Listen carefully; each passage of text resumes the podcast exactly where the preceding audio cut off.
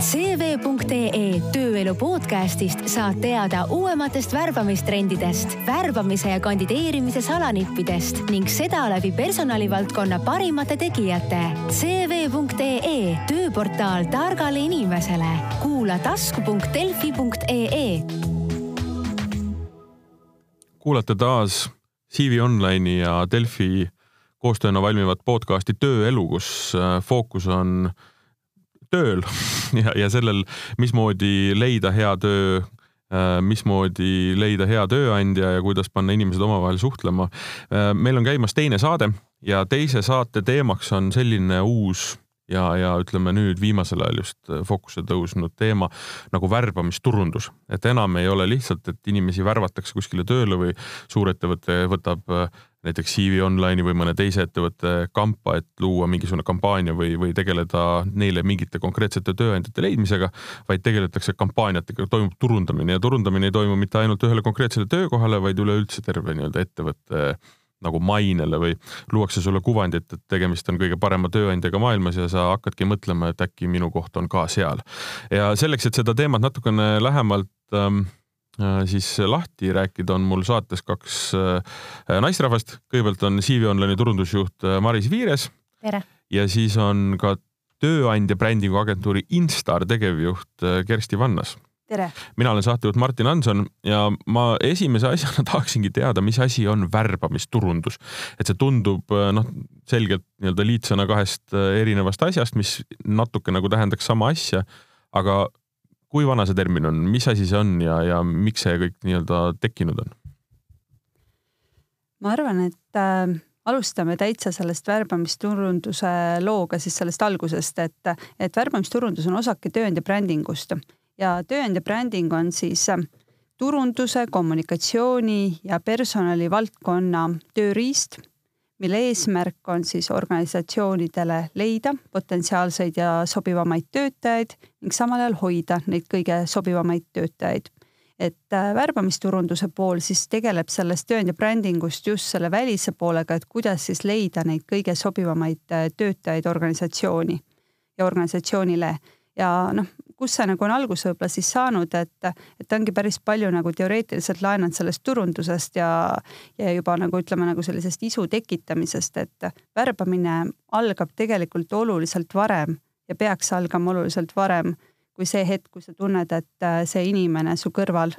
see tool on tühjaks jäämas mm -hmm. ja nüüd sa pead mhm. kuulutuse panema. sest kui sa teed nagu niimoodi, et näed, et tool on tühi, nüüd läheb kuulutus üles, siis noh, tegelikult see hulk inimesi, kes turul sel hetkel üldse on potentsiaalselt valmis tööd vahetama, see ei ole väga suur hulk ja sa nagu saad ainult seda väikest nagu sihtrühma kõnetada, kõik teised, kes nagu ei kaalugi nagu seda töökohta vahetada, nad, sinu sõnum ei pruugigi jõuda üldse nendeni.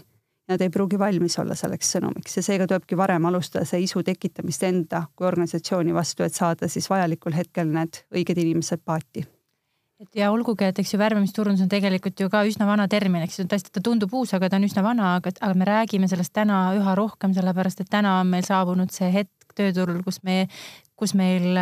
on keerulisem leida lihtsalt töötajaid ja, ja tänu sellele tõesti turundus, tõesti me teeme kogu aeg turundust, eks ju, me ise turundame ennast täpselt samamoodi. et ja nii nagu Kersti ütlebki, et me ei turunda enam töökohti, meil nüüd on juba vaja turundada organisatsioone, sest meil on palju inimesi puudu ja meil on vaja pikaajaliselt ette planeerida, sest, sest muidu lihtsalt on pidevalt selline kaootiline tegutsemine, mida ka väga paljud tootmis- ja teenindusettevõtted on täna, ütleme CV Online'iga jaganud, et, et neil on, ütleme aastas, noh, ütleme konkreetne ettevõte ütleb, et aastas värbab umbes kolmsada inimest või, või mõni värbab viissada inimest, on tohutu mass. ja, ja kui sul ei ole seda kindlust, sa isegi ei tea, kuidas oma personalitööd tegelikult planeerida, mis kulusid sinna arvestada veel vähem, mis turunduskulusid sinna arvestada, eks ju, et, et sul on vaja väga selget plaani, äh, strateegiat, et kuidas sa need inimesed lõpuks siis ära värbad ja ja tõesti jah, selle värbamisturundusega me oleme nüüd katsetanud väga erinevaid lahendusi ja, ja, ja ka Instariga arutanud, et mis need, mis need siis uued suunad on. Ja meil on väga palju edulugusid ja sellepärast ongi kihvt neid jagada, et üha rohkem ettevõtted siis saaksid aru, kuidas nad leiaksid endale uued inimesed. Põhimõtteliselt tähendab see seda, et töökohta müüakse või turundatakse nagu pesupulbrit. Ja ma ei mõtle üldse halvasti seda. Et äh, kõiki neid samu reegleid, mis selle pesupulbri või, või, või, või äh, hapukoore müügil siis äh, põhimõtteliselt kasutatakse selleks, et leida õiged inimesed õigesse kohta või mingi ühte konkreetsesse nagu, nagu äh, ettevõttesse ja no osad ütlevad, eks see on see seitsme, seitse korda kuldreegel, mis turundusest on tulnud, et seitse korda pead nägema ühte asja, et, et siis tegutseda, aga, aga mina ütleks, et see on kordades rohkem, et täna, kus meil on ikkagi sotsiaalmeedia ajastu, et, et siis noh, ütleme Instagramis, Facebookis, LinkedInis,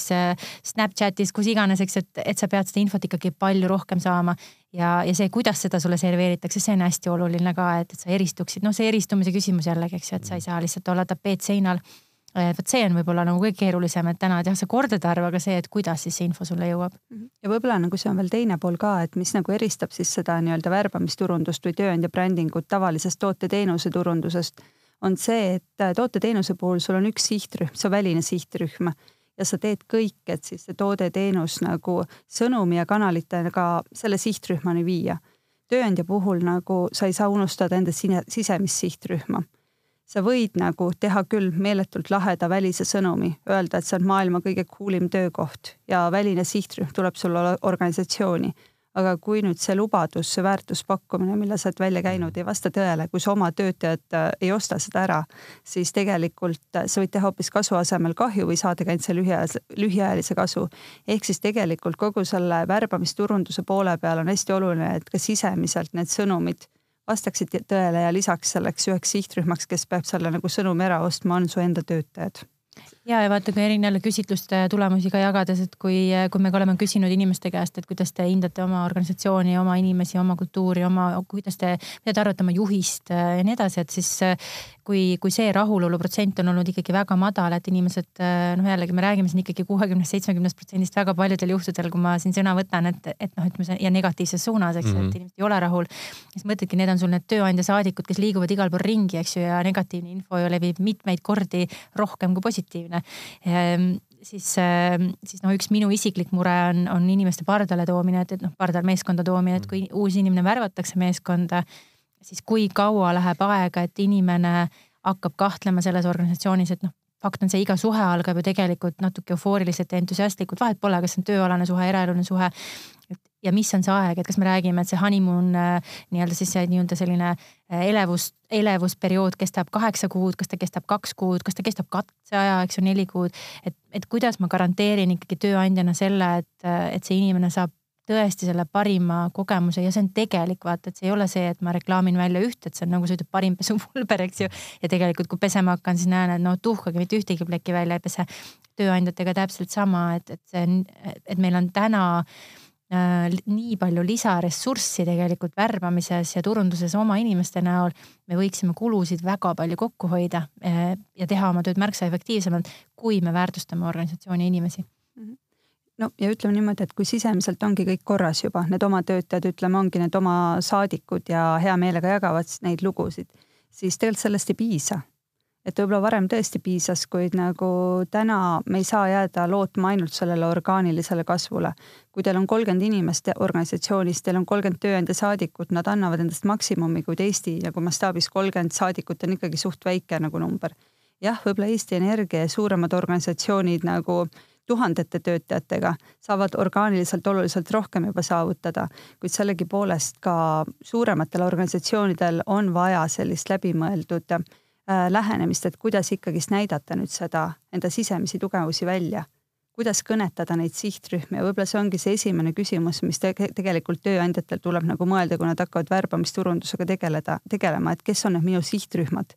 Jah, mul on vaja praegusel hetkel küll mingit eh, toru lukkseppa ja analüütikut, kuid kes on need sihtrühmad, kellele ma tahan pikaajaliselt hakata nüüd enda sõnumit eh, edastama, et neil tekiks see seotus minuga ja et üks hetk, kui siis nagu see tööpakkumine nagu mul on anda talle üle, siis et oleks sellest huvitatud. et see sihtrühmade määratlemine tavaliselt ongi päris keeruline, siin tulebki mõelda, et kes on need peamised või peamised ametikohad, keda te nagu värbate ma saan aru, et äh, hästi oluline ju, me sellest ka nagu rääkisime, et küsimus ei ole ühe mingi konkreetse noh, ühe või viiekümne või saja nii-öelda ametikoha täitmises, vaid see on nii-öelda kuvandi loomises kogu ettevõttest, kuvandi loomises sellest konkreetsest töökohast ja kuvandi loomisest nii-öelda sellest võimalikust kasust ja tuleviku arengust, eks ju. aga see on nüüd, kas see on nüüd seotud ka pigem üht, ühelt poolt loomulikult sellega, et meil on töökäsi lihtsalt vähem, aga see on ka seotud sellega,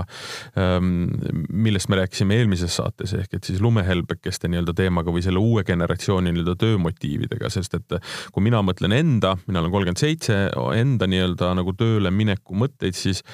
siis, siis oluline nüanss selle juures on see, et ma tahan, et see oleks äh, selles valdkonnas, kus ma tegutsen, noh, see on a priori juba selge, eks ju. siis oleks see, et see oleks parem kui eelmine ja siis tulevad mängu see, et mis ma seal nagu reaalselt ära saan teha ja kas ja kus positsioonil see ettevõte on. ja noh, rahad ja asjad tulevad seal nagu riburada järgi, eks ju et mis, mis see siin on, kas see turundus ongi nüüd, me peame looma kuvandit nendele inimestele, sellepärast et nad on, nende, nende hoolivus ja, ja arusaam maailmast on nagu teine või? pigem nagu on niimoodi, et ähm, tööandjana sa tõenäoliselt vajad seda noort, kuid sa vajad ka kogemusega töötajat ja võib-olla sa vajad ka seda elukogenud töötajat. kuid selge on see, et see noor jumbu, tema ootused on natuke teised kui sellel kuuekümne aastasel elukogenud äh, töötajal ja nüüd ongi see tööandja roll nagu selles turunduslikus mõttes luua sellised profiilid, persoonad nendest inimestest ja mõelda, et kuidas siis nagu, mis sõnumitega minna selle noore juurde, mis kanalite kaudu, kanalitega minna selle sihtrühmani. et äh, püüas nagu kõigile meeldida taaskord see lõpuks ei meeldi mitte kellelegi et äh, seega noh, võib-olla see ongi see hea küsimuse koht, et kui nüüd üritades nagu näiteks sinuni jõuda nagu töökuulutusega, esimene küsimus olekski see, et aga mis sul on oluline, eks ju, ja teine asi on see, et mis infokanaleid sa üldse tarbid. et kui traditsiooniliselt oli tüüpiline infokanal nagu siis värbamiskanal oli ajalehe kuulutus, siis noh, tänapäeval nagu ajalehe, ajalehti loeb võib-olla ütleme heal juhul kaks protsenti paberajalehti, digiajalehti teine teema et seega kanalid on muutunud, kuid sa pead teadma, mis kanaleid ikkagi siis kasutada vastavale sihtrühmale. ja me näeme, et ma lisan siia juurde veel, et, et, et mida, mida minu arust on näha, on seesama, et, et need tööandjad, kes ikkagi äh, räägivad nii turunduses, värbamises, noh, üleüldiselt oma nii-öelda kommunikatsioonis rohkem sellest, et, et tõesti, miks nad seda teevad, vaata, mis nende töö, mis nende organisatsiooni mõte on, mis nende töö väärtus, mis see väljund on, vaata samas ikkagi see on nagu miksi keskne, mitte see, et, et kes me oleme ja mida me teeme, et noh, see on selline klassika, eks ju, et räägitakse lihtsalt väga sellist kuiva juttu. et siis sa tõmbadki ligi neid inimesi, kes tulevad midagi ära tegema, noh, midagi tegema, vaata justkui hästi nagu töö töökohapõhiselt ära tegema versus see, et, et kui sa räägid, eks ju, miks sa midagi teed organisatsioonina, siis sa tõmbad neid inimesi ligi, kes, kes tulevadki ise juba mõtestatud tööd tegema ja ongi ise ka küsivad, vaata, et miks ma seda siis üldse teen.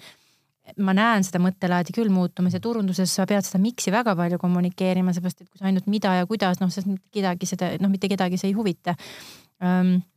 et jah, selline missiooni, missioonitundest pakatav tööturg on see, mida mina näen näiteks tulevikus küll juba meid ees ootamas. ja noh, kas see nüüd lumehelbekesed või see vanem, et see on mõnes mõttes see on kõigil, eks ju, aga see tõesti sõltub, et mis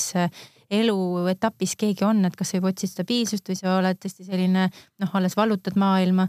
Ehm, et noh, et jah, aga turundajatena see on meie nii-öelda otsus, eks ju, et kus, kus ja milliste sõnumitega me nende poole pöördume mm. -hmm ma saan aru, sa ise mainisid ka seda, et äh, enne seda, kui sa CV Online'i tööle läksid, siis sa teadsid, et sa tahad sinna minna, sellepärast et see kuvand või see nii-öelda vorm oli loodud selliseks, et sa teadsid, et sa tahad seal töötada. kui oluline see täna üldse on kõikide nende, noh, kuna sul on kogemust ja sa töötad ju nende inimestega koos, et kui oluline see konkreetne asi nüüd inimestel on, et nad ja, ja kui ähm, kõrgel see on nende valikute reaalses nii-öelda siis hierarhias, et äh, ma olen, ma olen näinud, et see ettevõte on, on kuratlikult äge, seal on toredad inimesed, vaata, mis nad kõik teevad, nädalavahetusel need, nädala sees see, la la la, et ma tahan sinna tööle minna, et leidke mulle noh, ütleme ja, ja, ja kui palju on siis neid, kes ütlevad, leidke mulle mida iganes jah, noh, statistikat mul oleks jube hea, kui mul tuleks niimoodi puusalt kohe väga palju numbreid. Äh, jah, tõesti, me ütleme iganädalaselt viime küsitlusi ja uuringuid läbi ja selle põhjal saab juba väga palju analüüsida, äh, mis, äh, mis on minu arust pikalt olnud, on see, et sõpradel ja perekonnal on väga suur roll inimeste töökoha valikul, ehk siis kui tekib tunne, et tahaks vahetada töökohta, siis ikkagi räägitakse lähedastega. et see on noh, olenevalt tõesti valdkonnast on see ikkagi teisel-kolmandal kohal olnud, et, et noh, kui sa noh, kasvõi mõelge, eks ju ise, kuidas te oma otsuseid vastu võtate. et siis, siis jah, et see, et ma ei taha minna kohta, kus mul on ju ebamugavam teine, mis on tulnud ka ütleme siis Instari uuringutest välja, on sa, sama, et, et kui palju inimesed guugeldavad, et täna, eks ju, internet on meil ju kogu aeg, see põhimõtteliselt on peaaegu meil siia aiu söövinud, proovi ilma olla. et, et väga lihtne on see, et ongi, et ma, mida ma olen kuulnud, ma siis guugeldan, ma vaatan, mida selle organisatsiooni kohta räägitakse kui ma ikkagi näen, et, et ma ei tea, see ettevõte on maksuvõlgades või on tal mingi muu konflikt olnud või noh, ühesõnaga mingi probleem, no ausalt öeldes ega see väga usaldust ei tekita. Mm, aga jah, et, et ma enda puhul äh, tõesti olles äh, just nimelt tõesti noori värvanud viis aastat, et ma näen, kui oluline nende jaoks on see, mida räägitakse ja, ja nad on väga põhjalikud ja, ja isegi noh, ütleme jällegi, et teatud valdkondades inimesed mõtlevad kaks aastat, ka noored mõtlevad kaks aastat, enne kui nad reaalselt tegutsema hakkavad mingis suunas. et see võib tunduda, et ollakse hästi nagu siuksed hüplevad ja minnakse uisapäisa, eks ju, tööle, aga noh, reaalsuses ikkagi kuulatakse maad päris pikalt, enne kui võetakse jalad alla no ütleks veel niimoodi, et äh, nii nagu turunduseski või üldise brändingu puhul hästi oluline esiteks see sõnum, eks ju, mida sa üldse hakkad pakkuma. teiseks on vorm oluline, et kuidas sa seda pakud ja me oleme noortelt küsinud ka, et äh, kui sa oled tööle kandideerinud, et kuidas sa oled hindanud, olgu siis see kandideerimist äh,, protsessi, töökuulutust ja töökuulutuse nii-öelda kujundus on saanud alati kõige madalamad punktid, et äh, ligi kakskümmend või ligi, mis see oli, ligi kolmkümmend protsenti pidas seda täielikult ebarahuldavaks et noh, mis me siis räägime, eks ju. Et kui tööandja ütleb, et tal on keeruline inimesi leida, kuid äh, ta läheb neid inimesi leidma nagu selliste atribuutidega, mis nagu sihtrühma ei kõneta, siis järelikult võib-olla tulekski alustada sellest, esiteks mõelda, mida me pakume ja teiseks teha nagu sihtrühmi kõnetav töökuulutus, abivahend. kui see on valmis, siis on järgmine küsimus, et okei okay,, nii, mul on töökuulutus olemas, kuid ega töökuulutus ise ei värba ju inimesi. töökuulutus on vaja kuidagi sihtrühmani viia ja siis me põrkume väga sageli taaskord nagu tööandjate nagu arusaamatute pilkude vastu, kui me ütleme, et äh, organisatsiooni koduleht on oluline äh, informatsioonikanal. sest äh, tudengiuuringus taaskord kaheksakümmend protsenti vastajatest ütleb, et nad kasutavad organisatsiooni kodulehte selleks, et saada informatsiooni, täpsemat informatsiooni selle tööandja kohta ja mõeldakse, et miks nad siis sinna lähevad, no sellepärast, et ega tööandjad ise ei peagi seal ju käima, see ei ole neile suunatud, et see on mõeldud ikka potentsiaalsele kandidaadile. Ja see ongi see koht, kus nagu tööandja saab rääkida oma sõnade nagu oma sõnadega, mis on nende lugu. nii nagu Maris ütles, et esi, üks esimesi samme, mida kandidaadid veel teevad, on see, et nad guugeldavad. kuid see info, mis on Google'is nagu top üks info see, see on klikimagnet tavaliselt, klikimagnetid on tavaliselt negatiivne info mm. -hmm. et Google ei ole see koht, kus organisatsioon saab iseenda juttu rääkida ilma vahele segamata, noh välja arvatud, kui ta peidäädi sinna ei pane, et seda saab teha tasuliselt. Et koduleht on täpselt see ideaalne koht, kus sa saad rääkida, kes sa tegelikult oled ja rääkida ka läbi selle, et mida sa pakud noorele, kogenenud naisele, mehele, kellele iganes, et kui sul on erinevad sihtrühmad. et sa ei pane sinna kodulehele lihtsalt infot, et teeme seda, müüme sinna tule siia. täpselt, et koduleht on see koht, kuhu see inimene tuleb ja saabki rohkem infot, sest ega see töökuulutus ei ole see koht, kus sa paned see kogu selle laia info üles. töökuulutuse mõte on, et see on isu tekitaja. Me andsime sügisel või kevadel välja just värbamisturunduse auhinnad ja värbamisturunduse auhinnaks sai meil selline tore lant, mis oli Marise väga hea idee. Et tegelikult eks see värbamine ongi see kalapüük, et sa pead hoidma endal need õnged vees, kuid kui sul ant on ikka selline, mis nagu üldse kalale korda ei lähe, siis sa jäädki ootama ja mõtled, et noh, mis nüüd on, on küll kallis lant, aga nagu ükski kala ei taha. Ja üks probleem, mida me tegelikult oleme ka näinud, on see, et, et just me räägime sellest paketeerimisest, et need töökuulutused, et et mida siis tööandjad teevad ja mis tagasiside meieni jõuab, on see, et nad panevad ikkagi väga ulmelisi töökuulutusi kokku, et noh, selline no,. ulmelisi, mis mõttes? no selles mõttes, kui sa kujutad näiteks ette, et millist ideaalnaist sa endale tahaksid, siis sa paned nagu täis paketi vaata, et milline see naine peaks olema ja, ja tööandjad sageli teevad samamoodi, et nad, nad mõt-, noh, ütleme, et sul on roll olemas, eks ju, sa tead, et sa otsid näiteks müügijuhti ja siis see töökuulutus pannakse kokku tõesti noh, ideaalsele müügijuhile ja sinna pannakse liiga palju asju sageli, mida, mida ei ole vaja reaalsuses. ja, ja ma olen ise istunud koos paljude tööandjatega ja küsinud, et kuulge, et et rääkige mulle, kuidas, kuidas see protsess teil käib, et te otsite näiteks viite inimest aastas või kolme inimest aastas või kahtekümmet, no ütleme need, kes otsivad juba kakskümmend, kolmkümmend, nelikümmend, neil on protsess väga paigas ja nad väga mõtlevad, kuidas ja keda nad tahavad, eks ju, aga kui me mõtleme nendest organisatsioonidest, kes väga tihti ei värba, äh, ütlevadki, et noh, ütleme kaks-kolm-viis inimest aastas, eks ju, siis, äh, siis toimib taas see guugeldamine, kui sa guugeldamise sõber ehk siis guugeldatakse müügijuht, nähakse väga palju erinevaid tööpakkumisi, siis vaadatakse, prinditakse need tööpakkumised välja ja siis pannakse nendest kõikidest kokku ja vaata kogu aeg läheb see nagu järjest suuremaks. ja mida siis noh, mis siis lõpuks see tagajärg on see, et, et see inimene, see vaesekene, eks ju, kes siis lõpuks kandideerib sinna. seda inimest ei ole olemas. ei ole olemas, eks ju, ja, ja, ja tööandja on väga hädas, siis lõpuks, kui sa jagad need kompetentsid erinevate hindamisvoorude või noh, ütleme valiku hindamisvoorude vahel ära sul esiteks on väga raske mõista, mida sa kus hindad, sul ei ole ka aega, et neid, neid voore väga hästi läbi mõelda ja, ja see, et kuidas nad siis väljenduvad, eks ju. ja siis ongi lõpuks selline karahuul olukord, et sa, sul ei ole seda inimest või sa, või sa oled värvanud ja sa ei oskagi teda, temaga midagi peale hakata, ta on hoopis teistsugune inimene noh, ühesõnaga, et see läheb ka seal, kui me räägime värbamisturundustrendidest, et, et ma ütleks, et siirus, et see on nagu üks suur trend, et, et, et palun tööandjad, mõelge selle peale, et mida te välja kommunikeerite, et, et see turundus, jah, need turundusprintsiibid, et sa pead ennast atraktiivseks tegema, aga ei tohi unustada ära seda, et ole siiras ja mõtle läbi see on ikka see kanali küsimus ka ikkagi väga-väga oluline ja mis teine või kolmas asi, mis minu arust on ikkagi rätseplahendus sa ei saa ikkagi selle ühe nii-öelda labidaga minna seda kõike inimest lööma. aga mind on ikkagi harukordselt närvi ajanud äh, nii-öelda töökuulutuste juures see rida, kus kõigepealt tuleb üks sihuke kakskümmend äh, nõudmist, nagu me just rääkisime, või soovi, mis minule peaks olema ja siis pakutakse mulle kolme asja. lõbusat ja mõnusat tänapäevast töökeskkonda ja konkurentsivõimelist palka, mis vabandage väljenduse pärast, aga ei tähenda mitte midagi see on. Äh, absoluutselt mitte midagi ja see ei, ei müü mind, mulle ikka mitte midagi maha, sellepärast et ma saan aru, et minult nõutakse kakskümmend asja. Fine, lepime kokku, ma teen need ära ja vastu ma saan kaks, mis on juba numbriliselt nonsense, eks ju, ja teiseks, need on täielik häma ja see, see on, see on ka, see on ka minu südame peal, et, et jällegi, et kui küsida tööotsijate käest, et mille järgi te töökohti valite, et siis noh, ütleme palk on väga olulisel kohal, et ta on küll selline tõesti elementaarne nagu õhk, eks ju, aga, aga ta on mm. inimeste jaoks oluline, nad tahavad teada, palju, palju nad ikkagi palka saavad. okei okay,, palka palgaks, aga, aga iseenesest minul oleks okei okay ka see, kui mulle öeldakse, et noh, ülemus on vahel natuke mölakas, sellepärast et ma ei tea, tal on kaks väikest last ja neljapäeva või reede hommikuks või neljapäeva lõunaks on ta lihtsalt väsinud, noh. Fine, ma tean, kuidas sellest nagu mööda saada, see on mulle olulisem info kui see, et mul on, ma ei tea, konkurentsivõimeline palk, mis ei tähenda, nagu ma jälle kordan, mitte midagi. ja, ja, ja üks edulugu, mida mina värbajana kogesin, kui ma töötasin Noored Kooli programmi värbamisjuhina, siis oli see, et kõik ütlesid, et võimatu on värvata õpetajaid, et õpetajad ei tule mitte kuhugi, et sa pakud tohutult keerulist tööd ja noh, millega sa neid ligi meelitad ja siis äh, meil oli väga kihvt loovagentuur, kes ütles, et ainus viis, kuidas te saate neid inimesi ligi meelitada, on öelda välja, kui sitasti asjad on ja, ja öeldagi, et sina tulegi palun seda jama siia korda tegema ja absoluutselt ei valeta. ja, ja see oli, see oli selles mõttes kihvt, et kolm aastat järjest me kahekordistasime oma numbreid läbi selle, et me ütlesime kohutavaid sõnumeid välja, mis olid olid siirad, vaata, nii nagu päriselt on ja inimesed hakkasid tulema järjest, sest kõik tahavad seda ausust ja seda päris asja. noh, kuid see ongi see, et äh, teil oli läbimõeldud sõnum, et enamjaolt nagu mõeldaksegi seda nii, nagu sa ütlesidki, et pannakse kõik asjad kokku ja arvatakse, et püüdes taaskord kõiki kopida nagu benchmarking, et siis tegelikult sa kaotad selle enda DNA ära. et tegelikult see enda sõnum, see on oluline, enda see väärtus pakkumises, slogan, mida, kes sa siis tegelikult oled ja töökuulutuse puhul taaskord, et äh, tööandjatele vihje. vähem on rohkem töökuulutuse eesmärk on ikkagist ainult isu tekitada, siis mm -hmm. sa mhm. lähedki juba karjäärilehele, kus on sul pikemalt kirjas, mida me tegelikult pakume.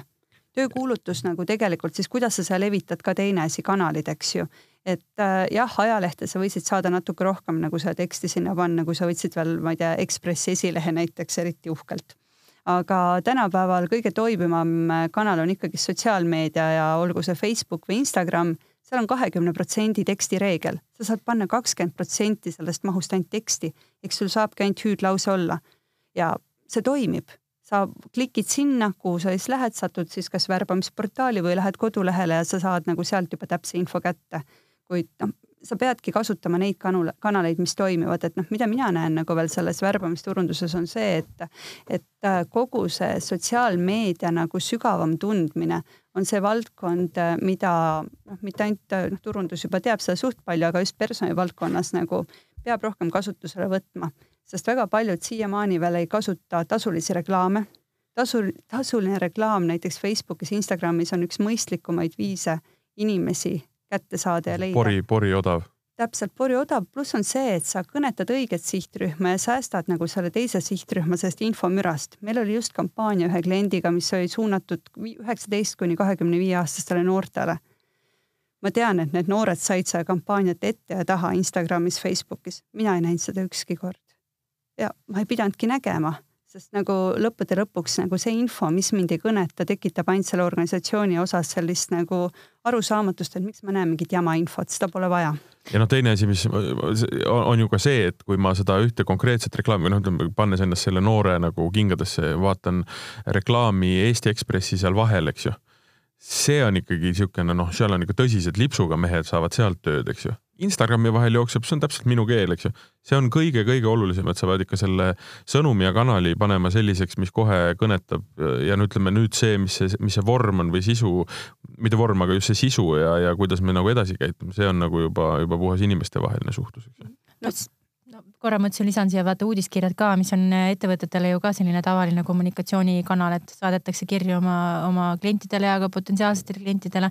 et noh, jällegi see segmenteerimise jutt, et, et ei ole mõtet saata kogu aeg ühte, ühele samale sihtrühmale täpselt sama sisu ja siis ja noh, siis tõesti kurta, et, et inimesed unsubscribe ivad sellepärast, et nad, neil nad lihtsalt ei taha enam seda saada. et siis jah, ütleme, me näemegi täna, et kui sa lihtsalt rahulikult mõtled läbi, et kes noh, kes see sihtrühm on ja mis sõnumit tema tegelikult täna ootab sinu käest teed natuke vähem, aga mõtled läbi, et see selline protsessi terviklik juhtimine, ma ütleks, et jällegi selline baaskompetents äh, üleüldiselt tööturul, et selline analüütiline, protsessipõhine, strateegiline mõtlemine, mida on hästi vähe. Äh, noh, tõesti, kui ma nagu värbajana ka vaatan, et seda on raske hinnata, aga seda on ka vähe olemas tööturul. et siis sellist mõttelaadi või tõesti nagu terviklikku mõtlemist oleks vaja ka värbamises täna, et, et sa mõtledki, kust see kõik algab mis maalt algab, eks ju, värbamine ja turundamine ja, ja millega see kõik lõpeb, et, et et ei ole ainult nii, et me tegeleme selle protsessi ainult kahe keskmise osaga, ei tegele ei algusega ega lõpuga ja meil siis meil pidevalt inimesed voolavad või siis me ei suuda kontrollida, kust keegi tuleb. aga kui praegu teooriast rääkides äh, saime nagu pildi ette, aga kõige paremad asjad on näited. mis on niisuguse kampaania üks viimase aja parimaid näiteid? Teie enda tegemistest või mida te olete nii-öelda kõrvalt jälgides äh, noh, plaksutanud? No võib-olla me võime kohe nagu tuua sealt enda värbamisturundusauhindadelt äh, ühe päris hea näite, mis oli Rimi Vanus ei loe näide, sest see oli kampaania, mis oli suunatud selleks, et äh, värvata just vanemaealisi inimesi, vanemaealisi naisi ja mis oli nagu selle kampaania juures üllatav, oli see, et lisaks sellele, et äh, lõpuks siis kõnetati neid vanemaealisi naisi, saidi, saadi neid palju kandideerima, oli väike see kõrvalmõju ka ja kõnetati väga tugevalt kakskümmend, kolmkümmend aastasi noori,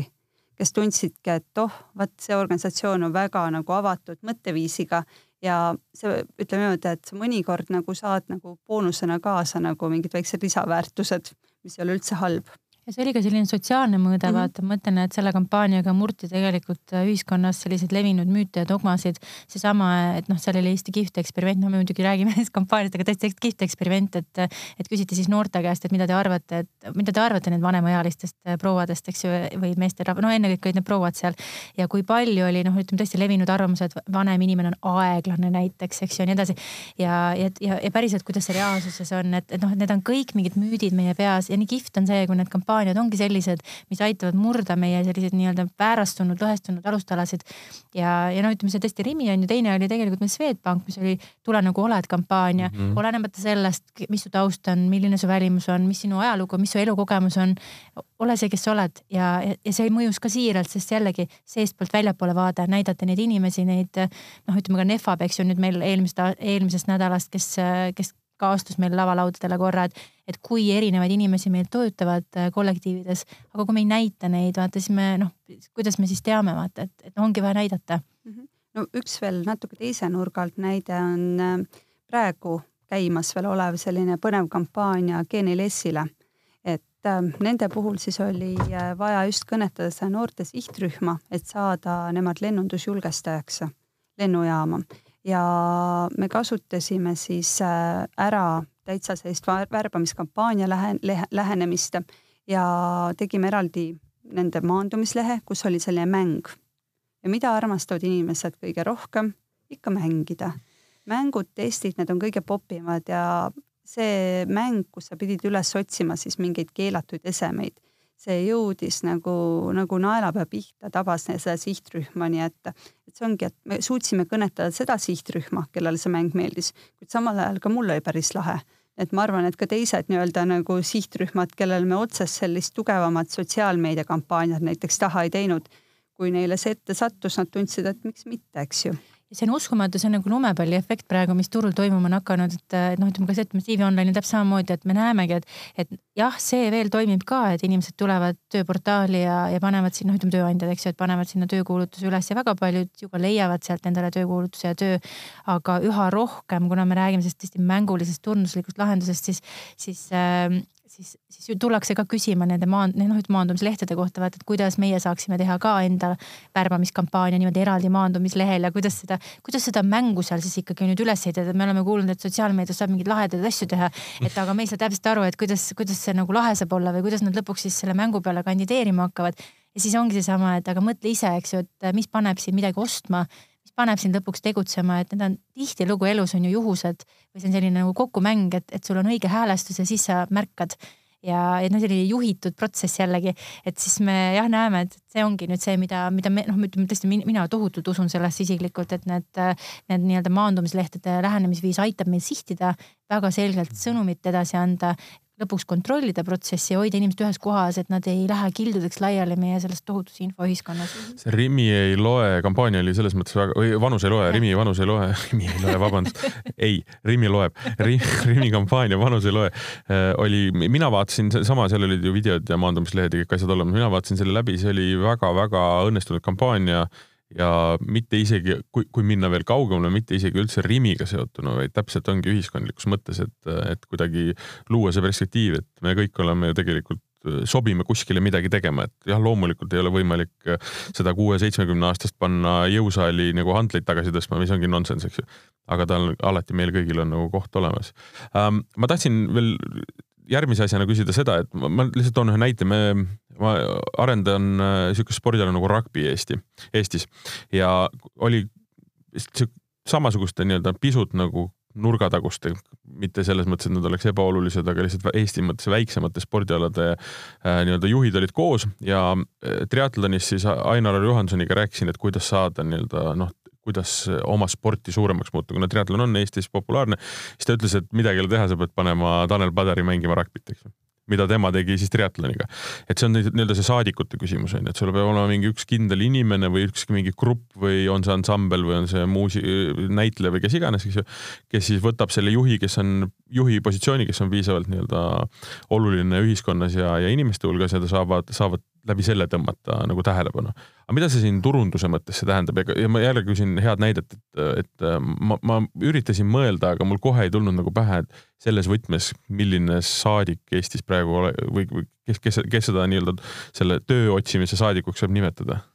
no mina võib-olla just isegi siin ütleks, et see on väga hea näide äh, selles suhtes, et siin on erisus, ongi selle üldise brändingu ja tööandja brändingu vahel et tegelikult ütleme, kuulsuse paati toomine annab alati sellise väga hea nagu tähelepanu laksu ja sa saad selle tähelepanu ja see toimib igal pool, välja arvatud tööandja brändingus suurepäraselt. miks see tööandja brändingus ei toimi, on sellepärast, et tööandja brändingu puhul me pakume välja töötamise kogemust. see inimene, kes seal nagu peaks siis nagu esikaane nägu olema, tema peaks olema see inimene, kes on töötanud selles ettevõttes. kui tema ütleb, et see on hea tööandja, siis äh, siis me usume teda, kuid kui seal on lihtsalt üks kuulsus, kellel tegelikult ei ole mitte mingit kokkupuudet ettevõttega olnud peale selle, et ta on nagu hea koostööpartner, reklaamiraha saanud, siis mina kui nagu tulevane töötaja ei osta seda ära. see tundubki nii, et okei okay,, et seal on küll turundus tehtud, kuid nagu ma ei usu seda, mida ta räägib. on küll ilus, eks ju, neil on järelikult palju raha, et nad teevad lahedaid kampaaniaid, kuid see ei lähe mul südamesse ja hinge. et tööandja brändingu puhul ikkagist oma inimesed või siis mingi selline tõesti kõnetav disain ja noh, üks asi võib-olla, mida me veel korra ei puudutanud, on ikkagi see, et, et lisaks sellele disainile ja kanalitele on äh, väga oluline kanal, ütleme video. et äh, noh, mis meil nagu siin uuringutest on välja tulnud ka, et, et vahet ei ole, on ta kogenud töötaja või ta on noor, et ka kogenud töötajad veedavad juba praegusel hetkel igapäevaselt äh, või kolmkümmend, nelikümmend protsenti kogenud töötajatest, nelikümmend neli keskmine vanus äh, veedab igapäevaselt aega Youtube'is noorte puhul igapäevane Youtube'i kasutus on veelgi kõrgem, et ligikaudu kuuskümmend protsenti on Youtube'is. mida nad teevad Youtube'is, vaatavad igasugu asju, kuid nüüd on küsimus, et miks tööandja ei ole Youtube'is nende kuulutusega. kui noor veedab enda aja Youtube'is, ta ei käi vaatamas uudiseid, ta ei vaata ajalehti, siis äh, see kuulutus, mis on kuskil muus kanalis, ei pruugigi jõuda temale, nii et, et tööandja peab teadma, mis see õige kanal on ja minema sedakaudu inimeseni. aga sinu äh, see küsimus, eks ju ähm noh, täpselt Kerstiga läheb kokku, et see sarnane tõmbab sarnast, et jällegi, et, et keda, keda sa tahad endale vaata ligi tõmmata, kes su töötaja on, kes on see inimene ja, ja selle peale on tööandjad ka öelnud, et noh, alles hiljuti eelmine nädal, kui ma vestlesin ühe tööandjaga, kes ütles, et tal on ka vaja värvata mitukümmend inimest ja ma küsisin tema käest, et ähm,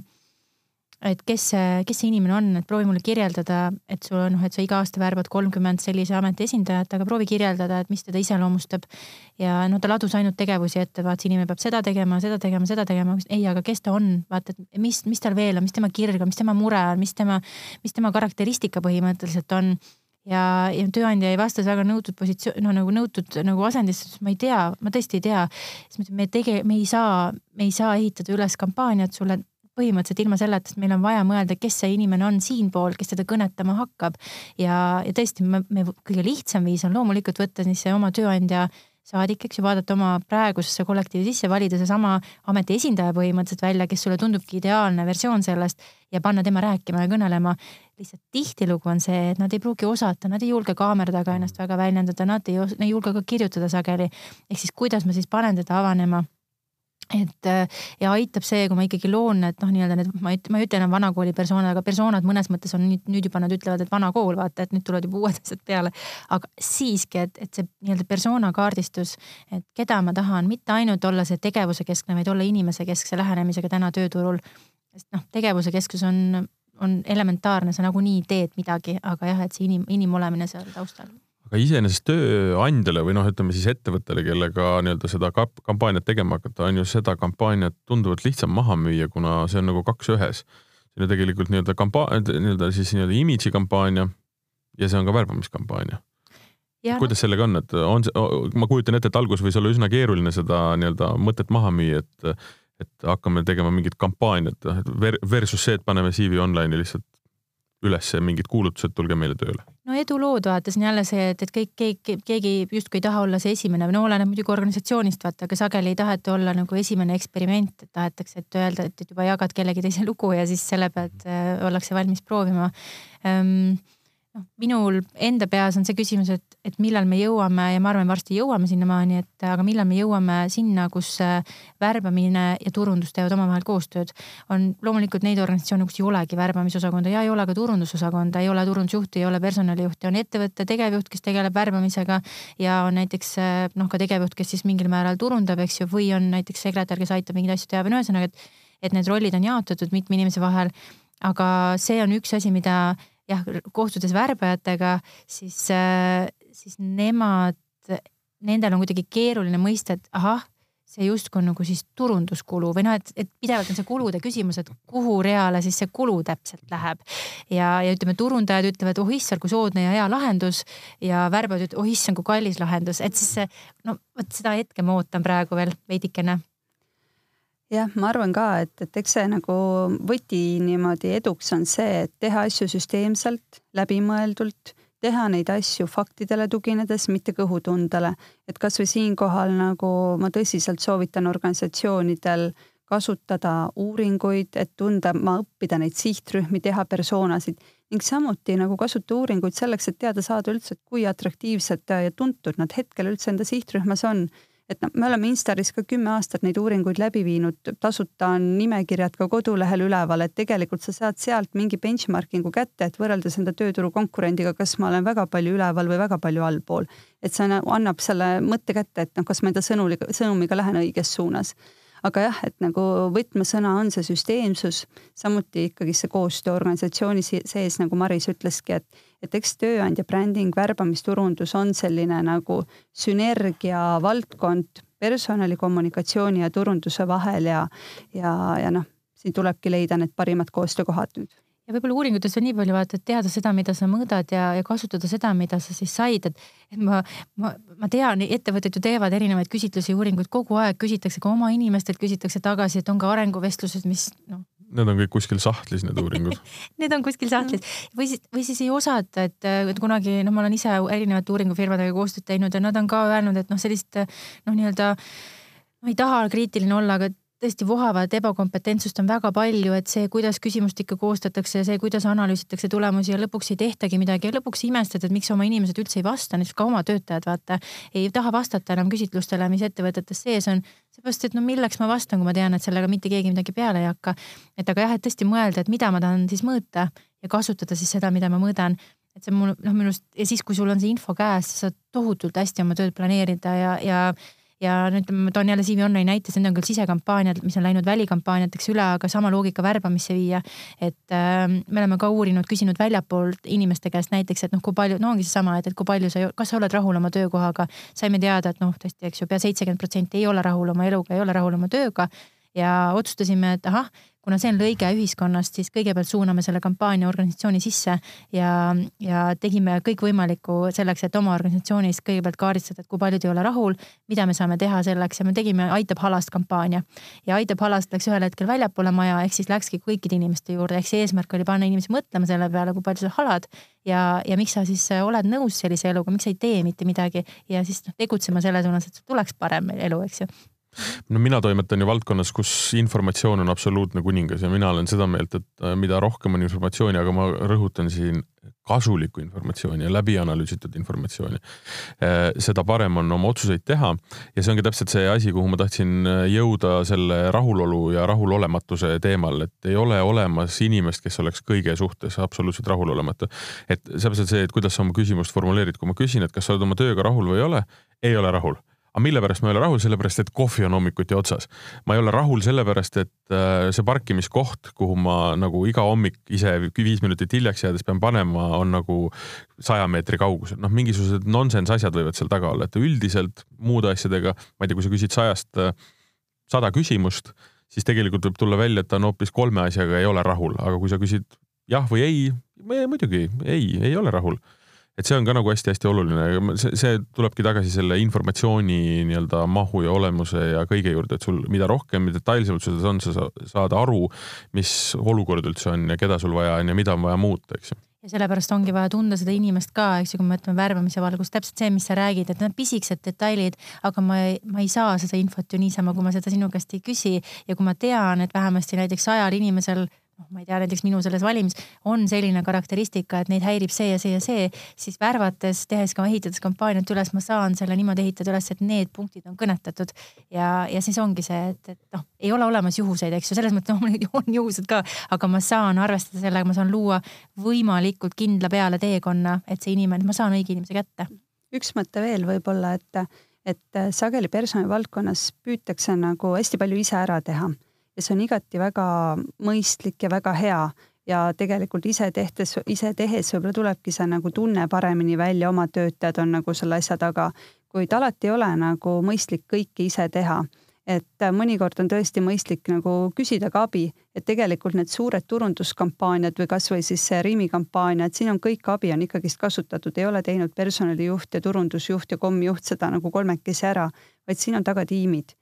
muidugi, et väiksema organisatsiooni puhul, miks mitte, kui on head ideed, tehke ära, et olgu siis Nõo gümnaasiumi kus, Facebooki kampaania, kus oli selline väga lahe raketikujutis, et rakett on kadunud või mingid muud eesti keele sellised väiksed vigases kirjas, et vajame eesti keele õpetajat, üldse saad ise teha ka väga lahedaid eristuvaid selliseid värbamiskuulutusi. kuid alati sul ei ole aega selleks kui sul on ikka väga tihe nagu kiip-päid, sa pead hoopis äh, enda juhtidega arenguvestlusi pidama ja sul ei ole aega olla vahepeal nagu leidlik ja loov nagu, et noh, kuigi sa oled seda, siis noh, mõnikord on nagu mõistlik lihtsalt natuke nagu ka sisse võtta ja lasta end aidata. midagi ei ole teha, me iseenda hambaid ka ju ei puuri ja raamatupidajal laseme ka selle töö ära teha, et ma olen ka seda meelt, et tuleb ikkagi usaldada professionaale. nii, ma, mul on tunne, et me saime ära turundatud selle töökoha kui nii võib öelda. ja ma arvan, et äh, see oli üks minu jaoks äärmiselt põnev saade, sellepärast et äh, mina värbamisega ei tegele ja ma arvan, et ma kuulun nende väheste hulka või mitte, vabandust, suur, suure enamuse hulka, kes nagu mõtleb, et no mis see värbamine siis on, et et mul on ka palju tuttavaid, kes töötavad erinevates firmades äh, värbajatena ja see on alati olnud ma hindan neid väga kõrgelt, aga noh, tekib alati küsimus, et mis see reaalne töö on, eks ju. Äh, see konkreetne turundusvärbamiskampaania on selline noh, kuna ma ise olen kommunikatsiooni õppinud, siis see ja turundus, siis äh, see on, ma, ma mõistan seda suunda nüüd nagu väga täpselt, eks ju, et, et leida need inimesed, olla informatsiooni omanik ja sealt teha nagu kained, kained valikud. ja ma arvan, et äh, kui on kellelgi küsimusi, siis nii äh, CV Online'ilt kui ka Instarilt saab abi, millest me just rääkisime, et ei pea kõiki asju ise tegema. Äh, mul oli stuudios täna Maris Viires ja Kersti Vannas mina olin saatejuht Martin Hanson, ma loodan, et teil oli sama huvitav kui minul ja me kohtume juba järgmisel nädalal Tööelu podcastis ja siis juba uued teemad ja uued jutud. seniks aga nautige kevade lõppu ja eks see suvi ka ikka tuleb. aitäh. aitäh cv.ee tööelu podcastist saad teada uuematest värbamistrendidest, värbamise ja kandideerimise salanippidest ning seda läbi personalivaldkonna parimate tegijate. cv.ee tööportaal targale inimesele. kuula tasku.delfi.ee